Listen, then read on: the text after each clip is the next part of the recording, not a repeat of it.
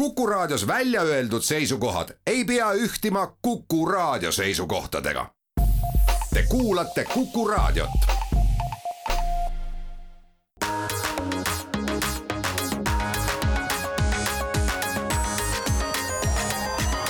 digitund tere hommikust, head Kuku raadio kuulajad, on esmaspäev, üheteistkümnes juuli ja on käes Digitunni aeg. stuudios on meil Mait Tafenau ja Andrus Raudsalu ja kui me eelmises Digitunnis rääkisime siis sellistest kaasaskantavatest akupankadest, millega saab elektri võtta kaasa kuhugi metsa kännu otsa. Me saime selle saate kohta kõvasti tagasisidet, tõepoolest inimestele see asi imponeeris, aga saime ka sellist tagasisidet, kus öeldi, et noh, mis te sellest tilulilust räägite, et rääkige parem sellest, et kuidas siis tegelikult oma kodu saab muuta siis kas elektrineutraalseks või, või lausa positiivseks. Ja, ja tõepoolest, et kui siis kuulajad küsivad, siis meie teeme ära, nii et täna on meil saate teises pooles külas energeetika entusiast Indrek Konnapere, kes on kõik oma kodud teinud siis energia positiivseks selles mõttes, et ta vist pigem müüb seda elektrit võrku, aga sellega, sellest siis räägime temaga juba pikemalt saate teises pooles. aga kõigepealt siis mõned uudised ja võib-olla enne uudiseid veel üks selline meeldetuletus, et kõigile siis Chrome'i brauseri kasutajatele, kes kasutavad seda Windowsi arvutitel, et vaadake oma sinna brauseri ülemisse paremasse nurka, seal on üks selline nupp, mis ütleb, et värskenda ja kui see nupp tõesti ütleb teile värskenda, siis vajutage seda nuppu, sellepärast et eelmisel nädalal siis teatati sellest, et üks järjekordne Chrome'i siis nullpäeva Ähm, äh, turvarisk on välja tulnud ja see on nüüd siis ära fix itud, nii et, äh, nii et selleks, et turvaliselt jätkuvalt oma arvutit kasutada või, või internetti, siis värskendage oma Chrome'i brauser. lisan kohe siia juurde, et see nupp ilmub ainult siis, kui teil on päriselt värskendus saadaval, et kui seda nuppu ei ole, siis tõenäoliselt ka värskendust tollel hetkel saada teie Chrome'il ei ole ja Chrome'iga on jah see lahe, et ta tegelikult üldiselt uuendab ennast ise, et iga kord, kui te panete ta nullist käima, siis ta kohe selle käigus laeb alla ka järgmise versiooni ja taaskäivitamisega taas jälle tehakse see uuendus automaatselt ära. aga siia kõrvale ka Riigi Infosüsteemi Ametist olukord küberruumis juunikuus et juunis registreeriti kakssada nelikümmend üks mõjuga intsidenti, mis on siis viimase poole aasta kõige kõrgem näitaja.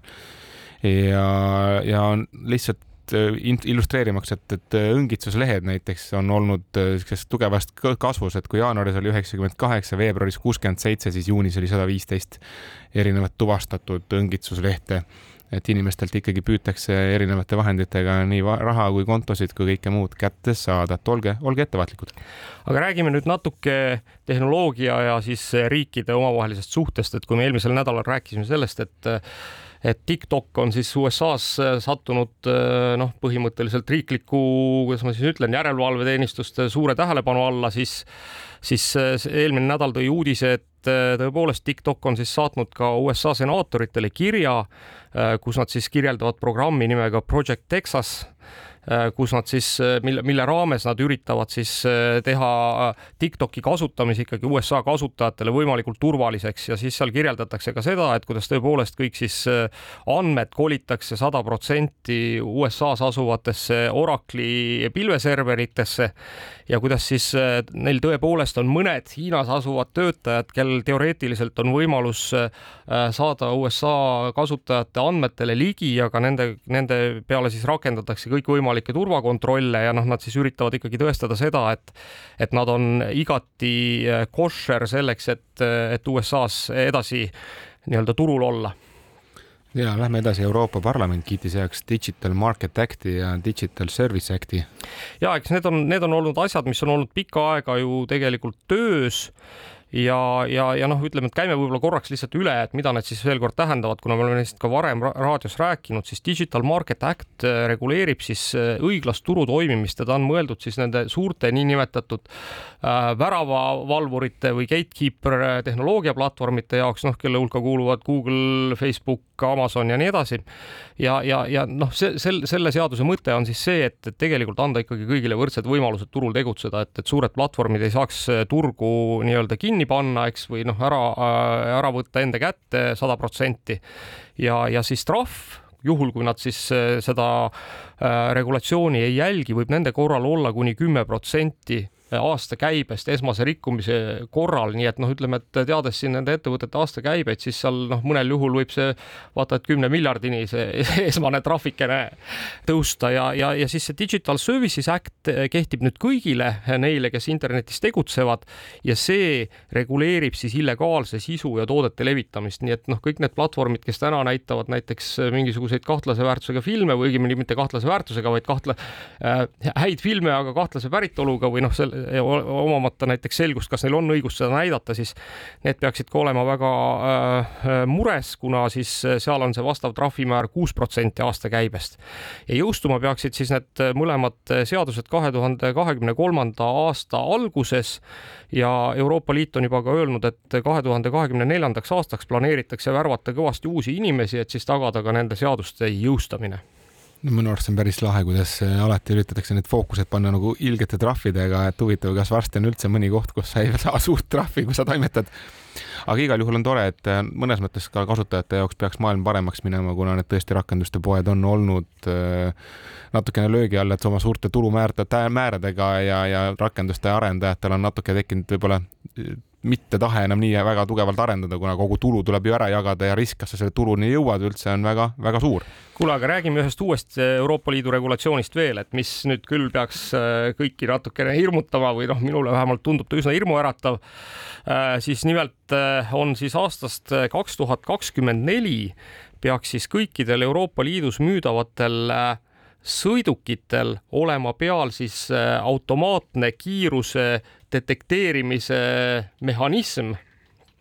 mis siis noh, ütleme, et tänapäeval tegelikult, kui me vaatame, siis paljudel autodel on ka see mehhanism peal, et, et tegelikult ju autod suudavad täna nii GPS-i järgi öelda umbes, mis kiirusega sa sõitma peaksid. ja noh, enamusel autodel on täna ka olemas mingisugused pardakaamerad, mis suudavad liiklusmärkide pealt siis vaadata seda piirkiirust. ja, ja nüüd siis sealt edasi on siis see, et Euroopa Liit ütleb, et äh, põhimõtteliselt peaksid siis autotootjad hakkama ka seda äh, nii-öelda piirkiirust siis kuidagi kehtestama autos, et, et, et noh, et esi, esialgu on siis lubatud erinevad niisugused äh, märguanded autojuhile, et olgu need siis kas häälteated või rooli vibreerimine või siis gaasipedaali nii-öelda kergelt üleslükkamine või väristamine, et anda siis teada, et tõsta oma jalg gaasipedaalilt ära, kuni selleni välja, et tegelikult lubatakse ka sujuvat kiiruse vähendamist. Nii et noh, ütleme, et mine nüüd tea, kuidas seda täpselt rakendama hakatakse ja kuidas see, kuidas see siis nendes seeriatootmises olevates autodes meieni jõuab. aga põhimõtteliselt tähendab see ikkagi seda, et, et, et kiiruse ületamist ikkagi naljalt enam teha ei saa. mulle natukene tundus, et see õnneks on natukene tinglikus kõneviisis oli kogu see artikkel, eks ju, et, et noh, suunatakse ette äkki, kui midagi sellist. noh, iseenesest ma ütleks, et see gaasiga mängimine ja see kiiruse piiramine on väga niisugune delikaatne nagu koht, et, et, et ühest küljest me räägime, et me loome suurema turvalisuse, et me ei lase sul kiirust ületada. noh, ma ei tea, teisest küljest, kui sa ikkagi vajalikul hetkel ei peaks saama mingil põhjusel kiirendada, lõpetades sellega, et noh, sõidad Tallinnast Tartusse ja siis Tartusse jõudes saad teada, et kui palju siis seekord see tiket sul oli, eks ju, et. no ma, ma arvan, et ma arvan, et see vist ikkagi nii päris ei ole, et, et su gaasipedaal lihtsalt ühel hetkel kinni keeratakse ja kui on üheksakümmend, siis noh, vajuta palju vajutad, üle üheksakümne välja ei tule, et et pigem on, pigem on siis ikkagi see, et, et üritatakse, üritatakse kuidagi meelde tuletada, seal noh, ütleme, et noh, ma arvan, et hea näide on siin seesama turvavöö, eks andur on ju, mis hakkab sul tüütult piiksuma, on ju ma mäletan seda, et noh, umbes viisteist, kakskümmend aastat tagasi mõnedel moodsamatel autodel oli see olemas ja siis nende moodsamate autode omanikud käisid ikkagi autoteeninduses ja lasid selle kuidagi nagu niimoodi kavalalt välja lülitada, tänapäeval seda enam ei tehta. ja tänapäeval tegelikult ei keera, ei pööra sellele ka keegi erilist tähelepanu ja kõik panevad tõepoolest turvavöö kinni, nii et noh, kui see tuleb sellise piiksumise kujul, siis noh, mine tea, võib-olla on tast tõesti mingisugust abi, aga noh, ütleme, et iseenesest äh, kõik see on tõukunud sellest, et ikkagi statistika näitab et, et kolmkümmend protsenti surmaga lõppenud õnnetused õnnetustest on põhjustatud just kiiruse ületamisest, nii et nii et noh, mine tea, eks, et kui neid liiklussurmade arvu ikkagi õnnestub vähendada, siis tegelikult on tegu ju mõnes mõttes ka hea e, nii-öelda asjaga. no loodame väga, et see lahendatakse võimalikult humaansel moel, et jäetakse ikkagi sellele rooli ja istme vahel olevale tihendile ikkagi mingisugune otsustusvahend või otsustusvõimalus ka alles. ja kuulge, aga, aga nüüd ennem kui me läheme reklaamipausile, siis üks äh, niisugune lühiuudis ka, et noh, mulle tundub, et, et see saaga ei ole siiski veel lõppenud, aga möödunud nädalal siis Elon Musk teatas seda, et, et ta kavatseb Twitteri ostust väljuda. põhjuseks on siis see, et Twitter on väidetavalt äh, siis valesti teatanud oma nii-öelda libakasutajate arvu, noh, mis Twitteri hinnangul on kogu aeg olnud kuskil viie protsendi juures. Elon Musk väidab, et see on palju kõrgem ja noh, ütleme, et vaidlus on praegu käimas, juhul kui Elon Musk sellest tehingust peaks siis väljuma niisama, siis on ta kohustatud Twitterile maksma miljard äh, dollarit trahvi. aga ma usun, et sellest me kuuleme veel ja lähme siitkohalt reklaamipausile.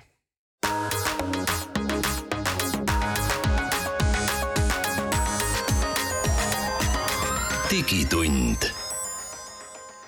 Digitund jätkab oma teise veerandiga, stuudios on Mait Tafenau ja Andrus Raudsalu ja möödunud nädal tõi meile sellise uudise NASA-lt, et NASA siis käesoleval nädalal kavatseb siis avalikustada ka esimesed päris pildid James Webbi teleskoobist, mis teatavasti aasta alguses saadeti orbiidile. ja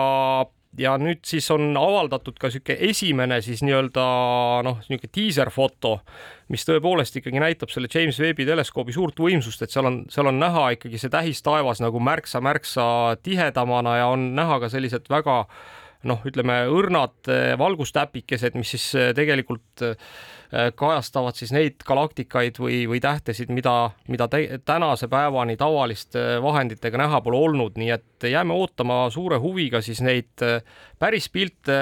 selle diiserfoto järgi ja vaatame, mis siis James Webbi teleskoop meile tegelikult näidata suudab ja kusjuures ma ütleks, et see pilt, mis sealt tuli, oli selles mõttes lahe, et, et kui James Webb teleskoop üles saadeti, siis oli juttu sellest, et need pildid, mis sealt tulevad, ei ole niisugused klassikalised fotod, vaid on niisugused väga niisugused noh, natukene tehnoloogilise suunaga, et, et sa pead analüüsima neid hoopis teistsugusel kujul. Et, et aga see pilt, mis sealt praegu tuli, tundub niisugune äge küll. no on täitsa vaadatav, eks ei pea nagu mingisuguste tehnoloogiliste silmadega vaatama. Aga lähme siit natukene edasi niisuguse huvitava jutu juurde, et iPhone'il on tulemas kuueteistkümnendast versioonist niisugune lahe feature nagu lockdown mis siis on mõeldud niisugustele nagu riigitöötajatele või, või kellelegi, kes tegeleb delikaatsete asjadega. ehk siis, et telefonist lülitatakse välja väga suur hulk äh, funktsioone, et telefoni ei oleks võimalik ei seest ega väljastpoolt rünnata. ja on pandud välja ka suur raha kellelegi, kes suudab sellest läbi murda aga, aga noh, mingeid näiteid, et, et noh, näiteks sõnumite kaitse, et enamikele sõnumitele peale piltide ei saa näiteks lisasid kaasa panna. ei saa ka veebilehtedel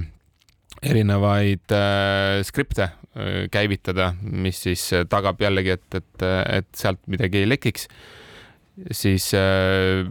igasugused ühendused, kaabliga ühendused, noh, lukustatakse täielikult ära Äh, kaughaldamine telefonidel lülitatakse välja ja nii edasi ja nii edasi, et, et, et noh, ma ütleks, et väga paranoiline inimene saab endal telefoni muuta oluliselt turvalisemaks või ma ei tea, kui näiline või mittenäiline see on, aga. nojah, eks ta on äh, nüüd niisugune kerge vastus siis sellele viimase aja nagu uudistele sellest, et, et kõikvõimalikud siis äh, ka riiklikult kasutatavad spioonvara Äh, rakendused on äh, nii iPhone'is kui Androidi telefonides kõvasti levinuma hakanud ja, ja, ja riigid tõepoolest on neid ka kasutanud siis igal pool. noh, näiteks Pegasuse nimeline teada-tuntud äh, siis spioonvara, eks, mis võimaldab nagu inimese järgi igatepidi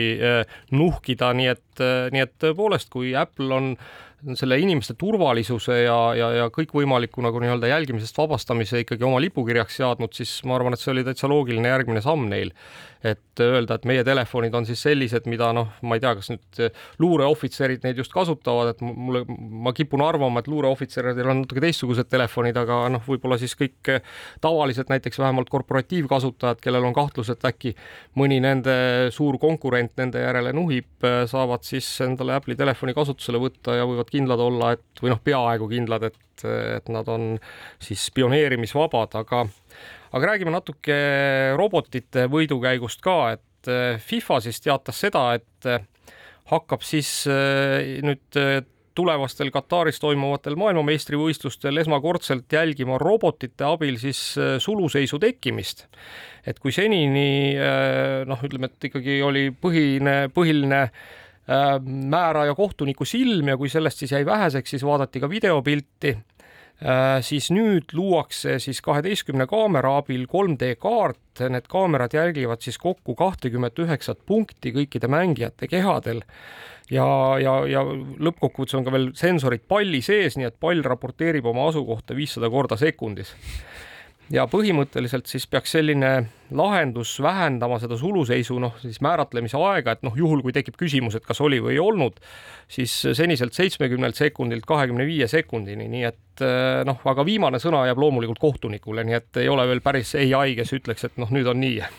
Minu arust päris lahe, kuidas ühest küljest nagu see mäng läheb väga palju õiglasemaks, eks ju aga noh, tegelikult vaata, jalgpall on väga sihuke emotsioonide mäng, eks ju, ja ja mulle tundub, et see on nagu live-kontsertiga, et tegelikult kui see artist nagu väga filigraanse nagu salvestuse teeb plaadi peale, siis seda ei ole põnev kuulata, et sul laivis on ikkagi see, et inimene vahel eksib ja ja see teeb selle mängu nagu palju nagu põnevamaks, et me kõik oleme muidugi närvis, kui kohtunik teeb halva otsuse, aga noh, teisest küljest, kui sa vaatad seda natuke kaugemalt pildilt, siis see lisab selle emotsiooni, eks ju, et oi, kuidas ta nüüd siin siis on diskussioon, kõneaine, mis sina arvad, kuidas see tegelikult oli, eks ju. et see inimlik faktor nagu minu arust teeb selle no, põneva. ma arvan, et küll sa võid seda tehisintellekti ka kiruda tegi rumala otsuse, et ega siis see keelatud ei ole. nõus, aga see kuidagi ei ole see, no see on ikka fakt ja faktile nagu väga raske on nagu vastu vaielda, et, et nii oli ju. Aga noh, lähme siit natukene edasi, et Netflix, et palju on räägitud sellest, kuidas Netflixil on raskused, aga samal ajal nad jätkavad kogu aeg nagu üllatamist, et kui te mäletate, mõni aeg tagasi tuli välja Apple'il sihuke tehnoloogia nagu spatial audio, mis siis aitab sul luua sul kõrvaklappidesse ruumilist heli ja Netflix on öelnud, et koos Bayer Dynamicsiga nad toovad välja siis ka võimaluse Netflixi sisu vaadata spatial audioga, aga naljakas on muidugi see, et sealjuures nad soovitavad alati võimalusel ikkagi kasutada Atmost või,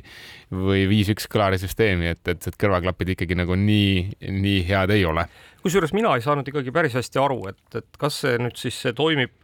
ainult siis Apple'i toodetel on ju Netflixi vaadates või toimib see kõikidel kõrvaklappidel, mul noh, kusjuures erinevatest allikatest jäi nagu natuke erinev mulje, et, et, et kus see siis te tegelikult täpselt toimib. ja, ja noh, ütleme, et need, kes olid ka seal proovinud, ütlesid, et ega siis noh, lõppkokkuvõttes see kõik need audiovigurid, eks, kus sulle üritatakse siis noh, nii-öelda stereokõlaritesse teha mingisugust ruumilist heli, et noh, need on ju tegelikult mingisugune selline umba-mumba kavalistika, et, et ega seal päris, päris tõsist nagu noh, mingisugust asja ei ole, et et noh, lõppkokkuvõttes oli see vist olnud umbes nii, et, et on lihtsalt eh, noh, helinivoo keeratud hästi kõvaks.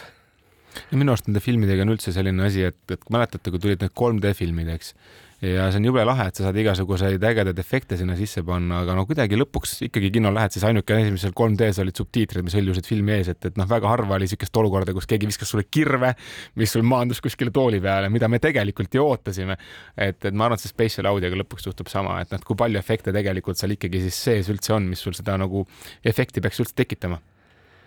jaa aga, aga lähme siit edasi jah, võtame üks huvitav uudis lihtsalt kõrvale et, et kui me oleme siiamaani näinud, et Google Translate, mis on väga nagu lahe, siis Meta on öelnud, nad teevad open source'iks omaenda ai translation projekti. ja, ja võib-olla see lisab lihtsalt võimaluse, et tekib nagu alternatiive nendele tõlgetele, mida me täna igal pool näeme ja, ja võib-olla kohti, kus Facebook teeb paremini, võib-olla kohti, kus Google teeb paremini, et selles mõttes on äge, et on ka Google'i kõrval suuri korporatsioone, kes on nõus oma tehnoloogiad avalikuks tegema ja no mis seal salata, et mida rohkem turul konkurentsi on, seda parem. ja rääkides konkurentsist, siis äh, möödunud äh, või noh, möödunud, vabandust, selle aasta esimeses pooles, mis on küll möödunud, aga, aga selle aasta esimeses pooles siis möödus Hiina elektriautode tootja BYD esimest korda Teslast ja sai siis maailma suurimaks elektriautode valmistajaks et kui Tesla müüs aasta esimeses pooles viissada kuuskümmend neli tuhat sõidukit, siis eh, Hiina BYD müüs kuussada nelikümmend üks tuhat sõidukit. Kusjuures pull on minu arust see, et ega Tesla ühest küljest, me oleme küll arvanud, et noh, ta on ikka väga int-, noh, teistmoodi nagu autotootja toodab elektriautosid ja tegi kõik need asjad nullist, siis nende äri ei ole olnud minu arust kunagi see, et nad tahaks olla suurimad, nad on väga palju patenteerinud erinevat tehnoloogiat ja üritavad seda ai-d ja seda isesõitmist ja kõike seda mingil hetkel teistele hoopis müüa ja see võib saada oluliselt suuremaks äriks kui see, et neil on kõige rohkem autosid, mis tulevad liini pealt. no tõsi ta on ja eks, eks äh, vist nii Volkswagen Grupp kui Hyundai astuvad ikkagi ka Teslale tõsiselt kandadele, nii et äh, on oodata ikkagi huvitavaid aegu elektriautode maailmas, kusjuures äh, siinkohal tuleb ka ära märkida, et ka Toyotalt on siis tulemas esimene elektriline kastikas, nii et noh, siiamaani me teame, et on Ameerikas üks selline tore ettevõte nagu Rivian, mis on täielik startup, eks, mis ka plaanib sellel aastal kakskümmend viis tuhat elektriautot tarnida. Ja väidetavalt on siis oma plaanide järgi ka graafikus, siis, siis nüüd tõesti on ka Toyotalt siis selline asi tulemas, aga räägime veel natuke energia salvestamisest, mis on minu arvates üks väga hea näide sellest, kuidas siis üks suur infrastruktuuriprojekt tegelikult on ikkagi nii massiivne, et võtab aega aastaid ja aastaid, ehk siis peale neljateist aastast ehitamist sai siis Šveitsis valmis esimene siis nii-öelda veepatarei mis suudab salvestada kakskümmend miljonit kilovatt-tundi energiat ja noh, tegu on siis äh, kahe noh, kuskil Alpides asuva kahe veereservuaariga, et kus siis äh, noh, nii nagu ikka, eks kui on elektri hind madal ja elektrit on üle, siis pumbatakse ülemisse reservuaari vett ja kui elektri hind on kallis ja elektrit on vaja, siis lastakse see vesi sealt alla voolata ja, ja see siis käitab turbiine ja toodab elektrit juurde. ja noh, selleks on siis kaevatud sinna ka mingisugune vist umbes viisteist kilomeetrit erinevaid tunneleid läbi siis äh, Šveitsi alpide, nii et äh, tegu on nagu väga põhjaliku ja suure projektiga ja noh, see näitab seda, et, et kuidas tegelikult tuleb selleks uueks äh, energiamaal, nii-öelda ene, muutuva energiavarustusega maailmaks valmistuda, et, et, et loodame, et, et ühel hetkel ka meie valitsused hakkavad mõtlema selle peale, et kuidas siis neid alternatiivseid energiasalvestusmehhanisme äh, kasutusele võtta aga siitkohalt läheme eh, reklaamipausile ja oleme tagasi juba selles, sellega, et räägimegi sellest, et kuidas siis eh, saab üks inimene endale ehitada oma isikliku elektrijaama.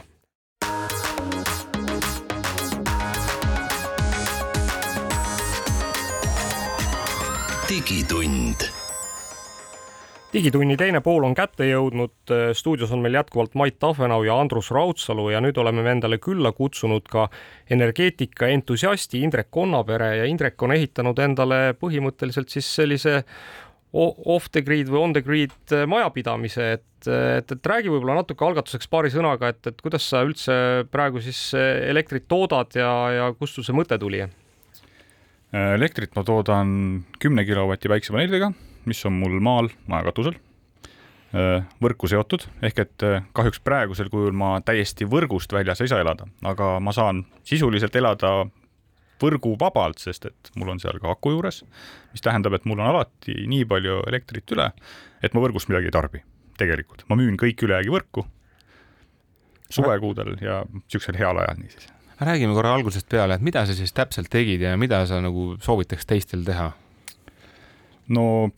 kõigepealt kõige rohkem, mis vaja on, on sisuliselt tegelikult tahtmist ja kui see tahtmine on olemas, siis see idee on iseenesest väga lihtne. minu idee oli, algne oli selles, et ma tahaksin olla energeetiliselt iseseisev, täiesti sõltumatu tegelikult. ehk et kuna mul kümne kilovati paneelidega ma toodan aastaringselt, iga-aastaselt umbes kümme megavatt-tundi elektrit, millest ma umbes neli megavatti tarbin seal siis maakodus ja kuus tarbin oma linnakodus mm. -hmm. mis mhm. tähendab, et summa summarum mina olen null jalajäljega justkui oota, siin, et nüüd täpselt aru saada, eks, et sa tegelikult toodad kõik oma maakodus, aga siis noh, nii-öelda määrid selle tarbimise laiali, onju. jah, no noh, vähemalt või... nii-öelda Exceli tabelis onju. jah, ma, no see on nagu kartulite kasvatamine, et ma ei kasvata omal kartuleid linnakorteris rõdul, vaid ma kasvatan neid maal ja siis võtan sealt maalt need kaasa, mis mul vaja on, et noh, küll need kartulid jõuavad minuni praegu nagu läbi selle suure ülekandevõrgu, aga noh, jah, ise tarbin, ise toodan okei okay., kui suur see investeering oli, mis sa tegid, et, et, et üldse hakata nagu tootma elektrit niimoodi niisuguses mahus, et sa kataksid mõlemal pool elamise ära?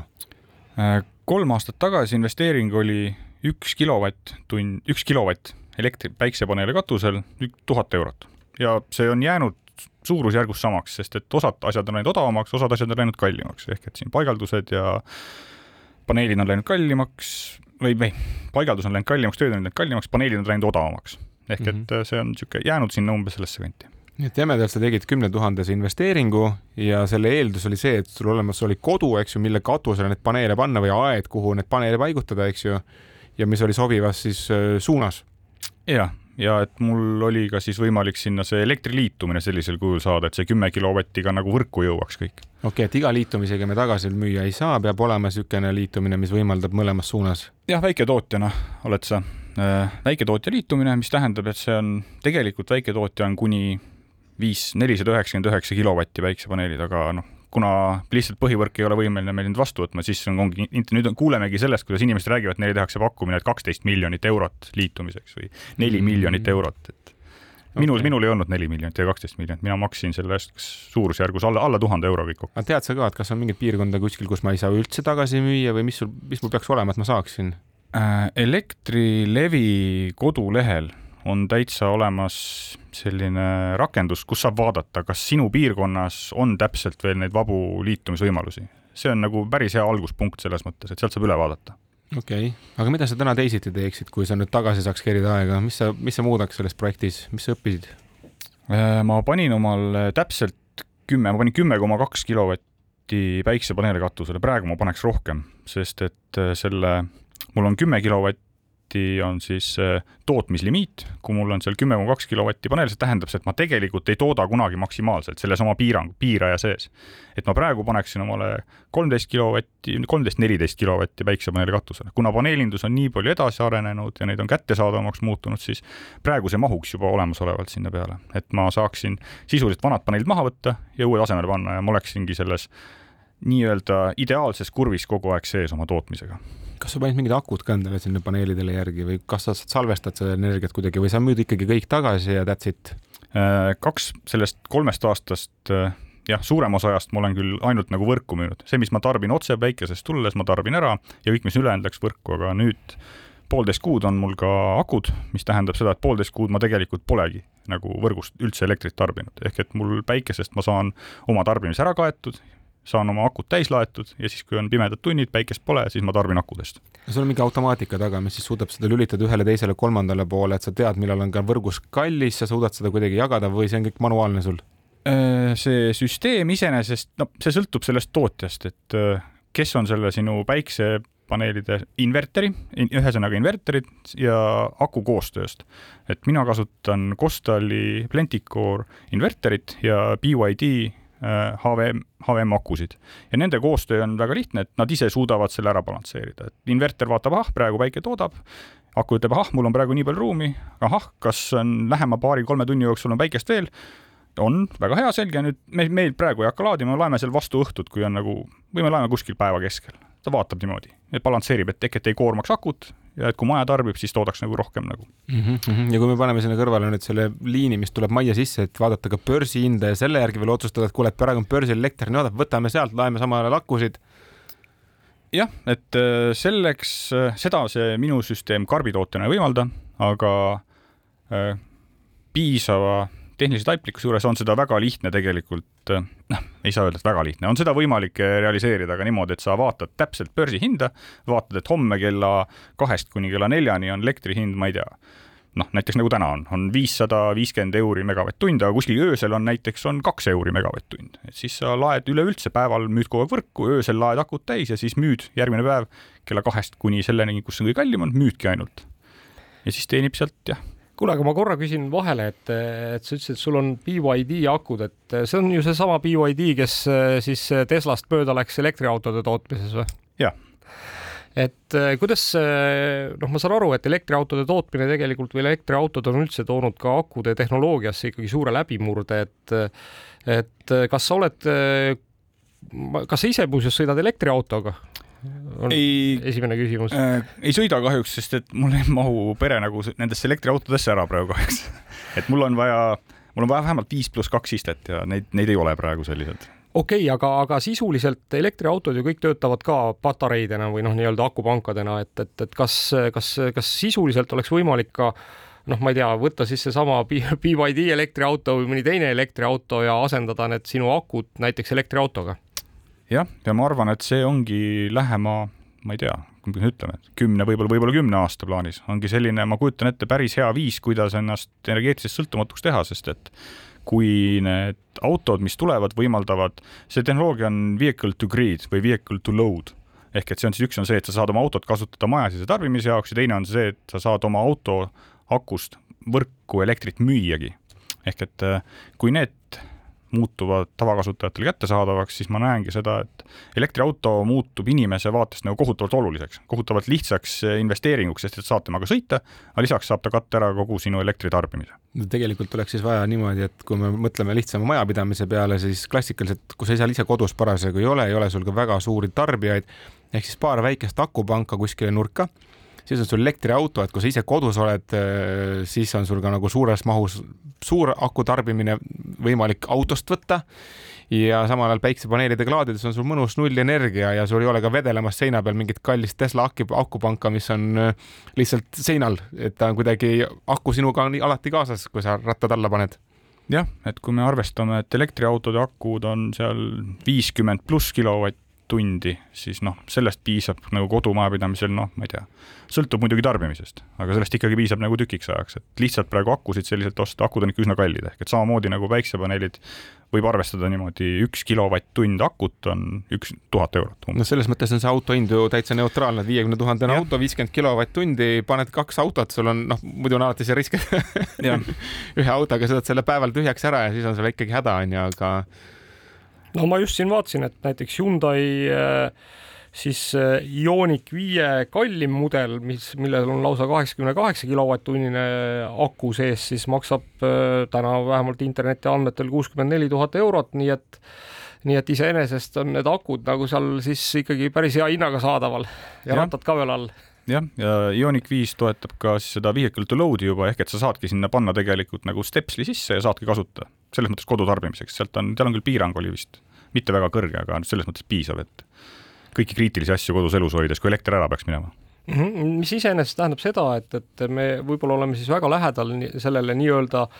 noh, laiali jagatud elektrivõrgule, eks, et kus siis kõik inimesed saavad noh, ikkagi isegi meie tingimustes suhteliselt hästi ise toota ja juhul, kui neil on ka elektriauto, siis neil on ka see balansseerimise võimalus olemas, et noh, me tegelikult ju mõtleme täna selle peale, et et elektrivõrgus ikkagi kuuskümmend protsenti sellest energiast, mis üldse toodetakse, läheb selle võrgu ülekandega kaduma, siis, siis see on ju suurepärane süsteem, et, et meil on nagu kuskilt noh, kui me jõuame siis nii-öelda selle jagatud võrguni, siis on võimalik kuuskümmend protsenti energiat maast leida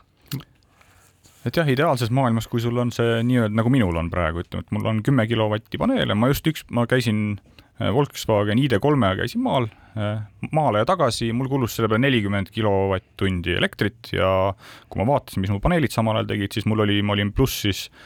viiekümne viie kilovatt-tunniga, ehk et mul jäi nagu viisteist kilovatti üle, selle ja selle viisteist ma tarbisin veel nagu maal ja kodus oma, oma tarbeks ära ka. Mul tuli mõte, et põhimõtteliselt väga pimedal ajal ja raskel ajal, kus akudest on kodus puudus, siis lähed rendid endale kas Bolt Drive'ist või kuskilt selle auto ja lisaelekter kohe olemas. jah, veereb ise kohale, eks akupank veereb ise kohale. jah kuule, aga räägime natuke sellest ökonoomikast ka, et, et sa nüüd oled natuke maininud neid börsihindasid ja, ja, ja seda, et kui palju sa toodad, et et oskad sa umbes öelda, et noh, et, et näiteks selle sinu noh, kui ma nüüd näppude peal arvutasin, et siis see, siis see, see investeering, mida sa oma majasse tegid, jäi sinna kuhugi noh, umbes kümne tuhande euro kanti, eks ole? jah, paneelidest aku on teist sama palju juurde. okei okay,, nii et kakskümmend tuhat oled sa kokku pannud oma sellesse siis süsteemi? jämedalt Äh, ja nüüd, kui sa täna müüd äh, tagasi seda elektrit, et kui palju sa siis teenid? no kui me vaatame praegu Nord Pooli börsihindasid, siis alates kella, kella seitsmest hommikul on see seal neljasaja euro lähedal megavatt-tunni eest, mis tähendab, et kui ma müün nagu stabiilselt, ütleme kaheksa kuni kümme kilovatt-tundi tunnis, siis ma teenin sealt neli eurot, viis eurot tunnis, selles mõttes elektrimüügiga täiesti passiivselt, kui ma seda ise ära ei kasuta nii et noh, mis tähendab siis seda, et sa teenid viis eurot tunnis, äh, see on siis äh, äh, noh, natuke üle saja euro, sada kakskümmend eurot päevas või? mul jääb praegu üle, ütleme, et umbes viiskümmend kilovatt-tundi, mis ma päevas nagu saadan võrgu suunal, et ehk et no kakskümmend viis, ütleme. ütleme, et aga kui ma oma paneelidega noh, ja nagu ma ütlesin, et paneelid on läinud paremaks, et kui ma paneksin omal katusel natukene paremat, siis see number muutuks. ehk siis sellel päeval, kui sa lähed puhkusele, lülitad oma tarbimise välja, siis tegelikult maksab su reisi kinni päike? jah, ehk et väga roheline viis, kuidas raha teenida väga,, väga-väga passiivne viis, kuidas raha teenida kuulge, aga läheme siit eh, kohalt korraks reklaamipausile, oleme peagi tagasi ja räägime energia tootmisest edasi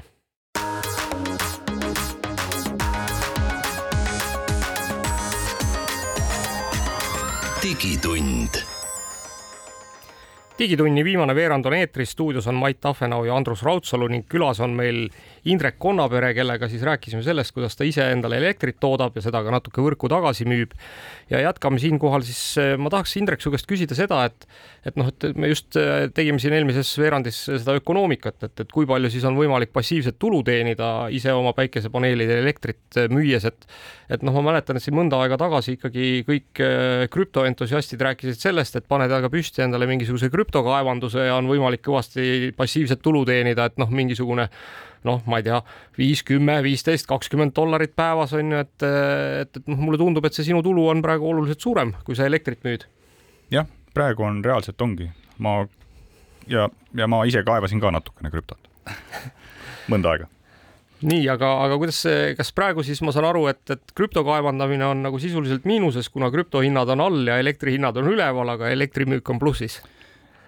Ja faktiliselt nagu võrgu suunalt ostes oleks see nagu kindlasti miinuses, et minu puhul näiteks praegu veel, kuna ma toodan elektrit ise, oleks see veel nagu võimalik sellest kasu teenida, aga mul on elektrit müües kasumlikum, mul on kasulikum see elekter võrku müüa. no võiks öelda niimoodi, et inimene, kellel ei ole võimalik nagu võrku müüa ja tal jääb seda energiat üle, tal ei ole seda kuskile panna, siis selles valguses oleks mõistlik seda krüptot kaevandada.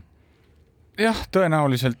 no ma ei tea, see, see arvutus on niisugune keeruline selles mõttes, et, et see elektrikulu, seal tuleb jahutuskulud, asjad tulevad juurde praegu, suvel on nagu need, neid kulusid. talvel oli ta mul lihtne, ma kasutasin seda üht, mul oli üks, üks masin, mis võttis elektrit ja tootis ka sooja, ehk et ma kasutasin seda ka soojaallikana tegelikult. okei okay,, radiaatori, no mis on mõistlik, eks ju, et kui sa radiaatori panid niisama seina, siis ja. ta lihtsalt too-, noh, elektrit kulub ikka sama palju ja sooja ja. tuleb ikkagi sama palju, sest noh, lõpptulemus on ju alati soojus. küsimus, kas sa sellest sooja tootmisest mingit kasu said, sest minu jaoks on alati see krüpto kaevandamine kuidagi sihuke kahe otsaga asi olnud, et, et kuidagi nagu häirib, et me toodame nagu justkui väga kallist ressursist tegelikult mitte midagi, et see arvutatud number on küll midagi väärt, aga see kõik on nagu meie peades. no minu teooria kunagi ütles seda, et see krüptovara väärtus tekibki sellest energiast, mis sinna on kulutatud, on ju, nende arvutuste peale, noh, nii et põhimõtteliselt ei millestki midagi ei teki, on ju, et lihtsalt üks olek muutub teiseks, eks, et energia muutub nagu mingisuguseks no, kuni sa selle maja kütad, on see minu arust nagu fine, kui sa sellega nagu pehmeldades jahutuse veel merevette või kuskile nagu loodusesse lased, siis on see kuidagi jabur, eks ju, aga noh, kui me räägime sellest, et sul see energia ülejääk on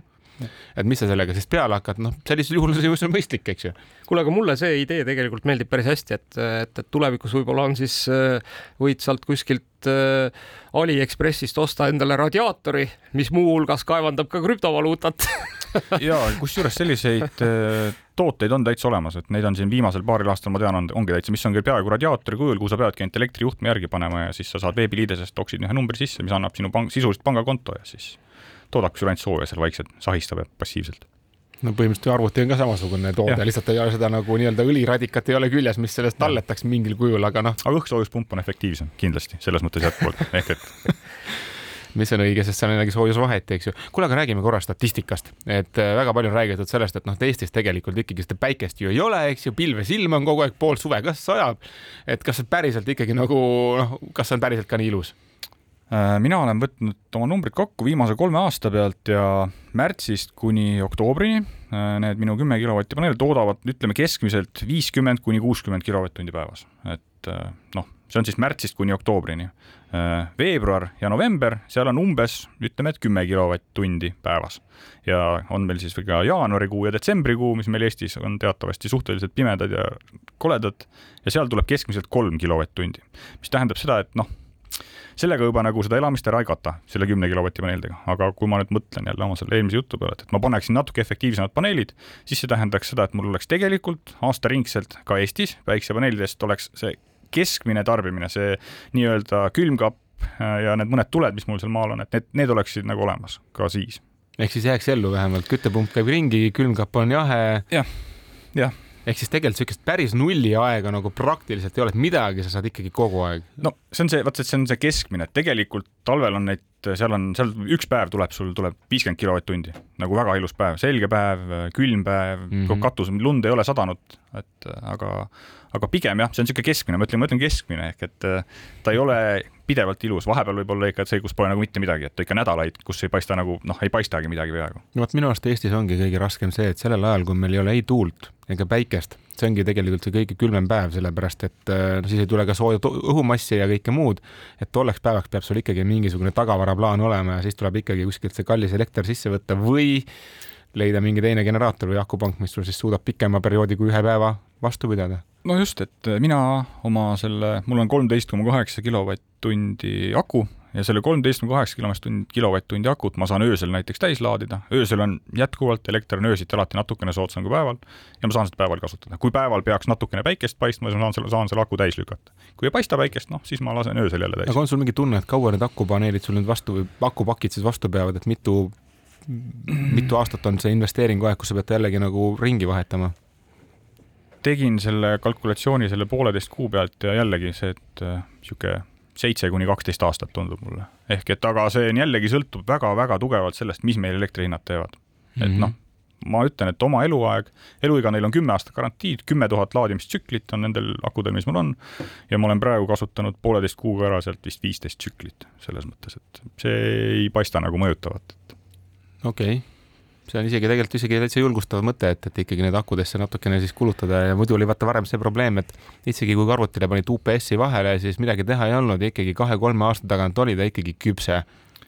jah, õnneks see akutehnoloogia on ikka väga-väga kiiresti arenenud ja need just tänu autodele tõenäoliselt, ma eeldan, ehk et see toodangut on nii palju, et see jõuab kiiresti massidesse, just see niisugune parem, kiirem, uuem tehnoloogia mulle tundub, et ega see akude tootmisega, ei tahaks öelda, et väga loodussõbralikud on täna, aga, aga mulle tundub, et kuna see fookus on väga tugevalt selle energia talletamise peale läinud, siis tehakse ka järjest rohkem investeeringuid ja tänu sellele on just sealt valdkonnast praegu kõige rohkem ju oodata, et et noh, arvutit oli vanasti samuti, et kui sul oli kogu aeg probleem selles, et protsessor oli pudelikael, siis pandi sinna energiat, noh, mingil hetkel see oli koht, kus saavutati teatud tase, tuli järgmine pudelikael, eks ju, et noh, täna meie elus ongi aku on minu arust see kõige, kõige suurem asi, et energia talletamine, et ka sellest, ka see eelmine uudis, kus siis vee baasil siis kusagil mägedes leiti viis, kuidas siis energiat talletada, selle rajamine on küll suur ja kallis, aga ütleme teades, et see on meie tänane prioriteet, siis sellesse investeeritakse. nojah, noh, ütleme see ikkagi, mis Šveitsis juhtus, on niisugune noh, maa mastaabiga, eks on ju nagu salvestusseade, et et tegelikult, kui vaadata seda, et noh, praktiliselt iga nädal, iga nädal tuleb mingisuguseid uudiseid viimasel ajal sellest, et üks või teine ülikool või üks või teine suur firma on, on leidnud mingi täiesti uue metoodika, kuidas äh, muuta aku keemiat, kuidas muuta aku füüsilist ehitust. noh, juba ikkagi räägitakse akudest, mis enam ei kasuta liitiumit, mida teatavasti on ka suhteliselt keeruline kätte saada, eks, ja, ja mille varud on noh, ütleme, et väga ebaühtlaselt maailmas jaotunud, on ju. et, et noh, tegelikult ma usun, et, et see, et, et akude mahtuvus tõuseb noh, ma ei tea, kaks-kolm äh, kuni viis korda, noh, ma ei räägi siin suurusjärkudest, eks, seepärast et tegelikult paljud need tehnoloogiad, mida täna juba tutvustatakse või noh, mida on kuskil, mis on laboris olemas, räägivad ikkagi suurusjärkude võrra suurendamise, aku mahtuvuse suurendamisest. siis tegelikult tähendab see seda, et et noh, ütleme siis see hind tõenäoliselt läheb alla, eks, ja noh, ütleme, et ühel hetkel ei pea sa enam äh, investeerima mitte kümme tuhat eurot, aga võib-olla kaks või kolm tuhat eurot selleks, et saada samasugune mahtuvus. Ja noh, tegelikult ka see vastupidavuse aeg ikkagi pikeneb, et enamus nendest uutest tehnoloogiatest, noh, kui me vaatame, siis akutehnoloogias on tegelikult juhtunud kaks asja, eks, et, et üks asi on see, et äh, nii-öelda see energiatihedus või see siis, kui palju üks ruumalaühik või, või kilogramm nagu akut suudab e-, energiat salvestada, see on pidevalt kasvanud. Ja teine pool on siis see, et, et kui kaua kaua see või mitu salvestustsüklit see aku vastu peab, ka see on pidevalt kasvanud. nii et noh, ma arvan, et kolme kuni viie aasta pärast on see täiesti nii-öelda no-brainer, et sa peaksid endale panema esiteks akud majapidamisse, nüüd teine küsimus on mul sellest, et kaua need päiksepaneelid vastu peavad? no selles mõttes, et see igal pool numbrites räägitakse kahekümne viiest aastast ja kahekümne viie aastasest garantiist eh, sellele tootlikkuse langusele ja see on, ütleme, et enamasti räägitakse numbrist kaheksakümmend protsenti, kahekümne viie aasta pärast on sul nendest kaheksa, kaheksakümmend protsenti tootlikkusest alles. mida kallimad paneelid, seda kõrgem see protsent on, ehk et sisuliselt võib arvestada sellega, et see ei ole probleem okei okay,, nojah, ilmselt kahekümne viie aasta jooksul võib-olla inimene ehitab endale juba teise maja, eks, või vähemalt vahetab katuse või, või noh, mida, mis iganes, eks, et, et et tõepoolest, äh, kui need katusel on, et siis, äh, siis on, ongi need võib-olla kahekümne viie aasta pärast mõistlik välja vahetada, siin on, ma arvan, täpselt sama, et, et et noh, ka olen jälginud ise kõrvalt seda päikesepaneelide arengut, siin on täpselt samamoodi tulemas täiesti uued materjalid, äh, mida siis noh, ütleme, et tänapäeval võib-olla viimase poole aasta jooksul on toimunud ikkagi suur, ka suur läbimurre, eks, et täiesti uued materjalid on tulemas päikesepaneelidesse, pluss siis teine Äh, ma arvan, et oluline läbimurre, mis on siis see, et, et kuidas teha nii, et need päiksepaneelid nagu võimalikult palju valgust neelaksid või võimalikult noh, suures diapasoonis, et et täna teatavasti päikesepaneel töötab kõige paremini siis, kui valgus paistab talle otse lagi pähe või noh, nii-öelda ristipaneeliga.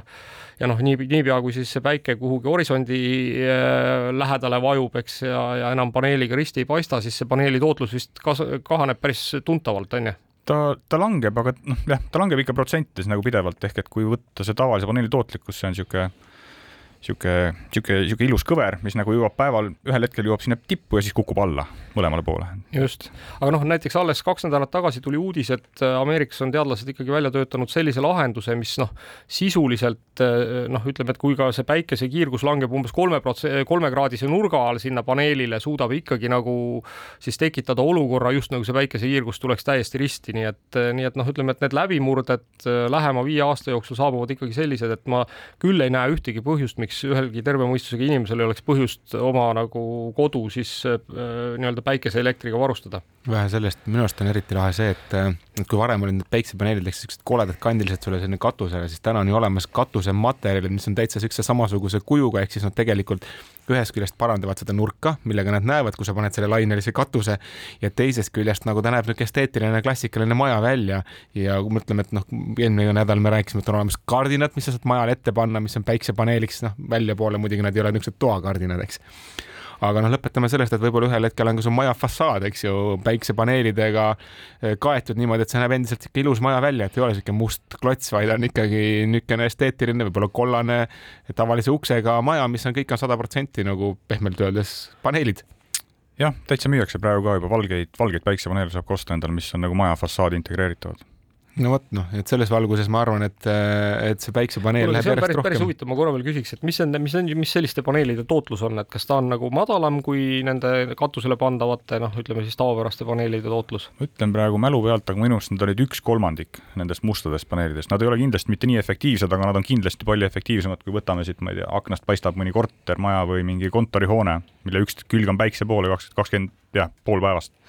et siis kindlasti noh sealt tuleb ikka nagu oluline hunnik kilovatt-tunde. tead, ma arvan, et seal isegi võti on isegi selles, et kui sa oled niisuguses riigis, kus on väga palju päikest ja noh, on riike ju, kes on üritanud ka värv, värvida asfaltit valgeks lihtsalt sellepärast, et äh, ei oleks nii kuum ja, ja, ja siis põhimõtteliselt valgest paneelist päiksepaneel võib-olla jääb selles kliimas ellu kuulge, aga siinkohal on meil äh, saateaeg läbi saamas, et Indrek, aitäh sulle, et äh, tulid ja meiega siis seda oma teadmist jagasid, et ma arvan, et äh, ma loodan, et, et väga paljud Digitunni kuulajad said siit inspiratsiooni ja, ja et neid väikeseid elektritootjaid te tekib Eestisse aina rohkem ja rohkem ja, ja noh, müüakse ka rohkem elektriautosid ja nii edasi ja siis me oleme kõik teel selle suure ja toreda tuleviku poole, kus me tegelikult planeeti ei saasta ja oleme kõik elektriga hästi varustatud digitunni kuulajatele soovin ägedat ja päikeselist nädalat ja kohtume juba nädala pärast.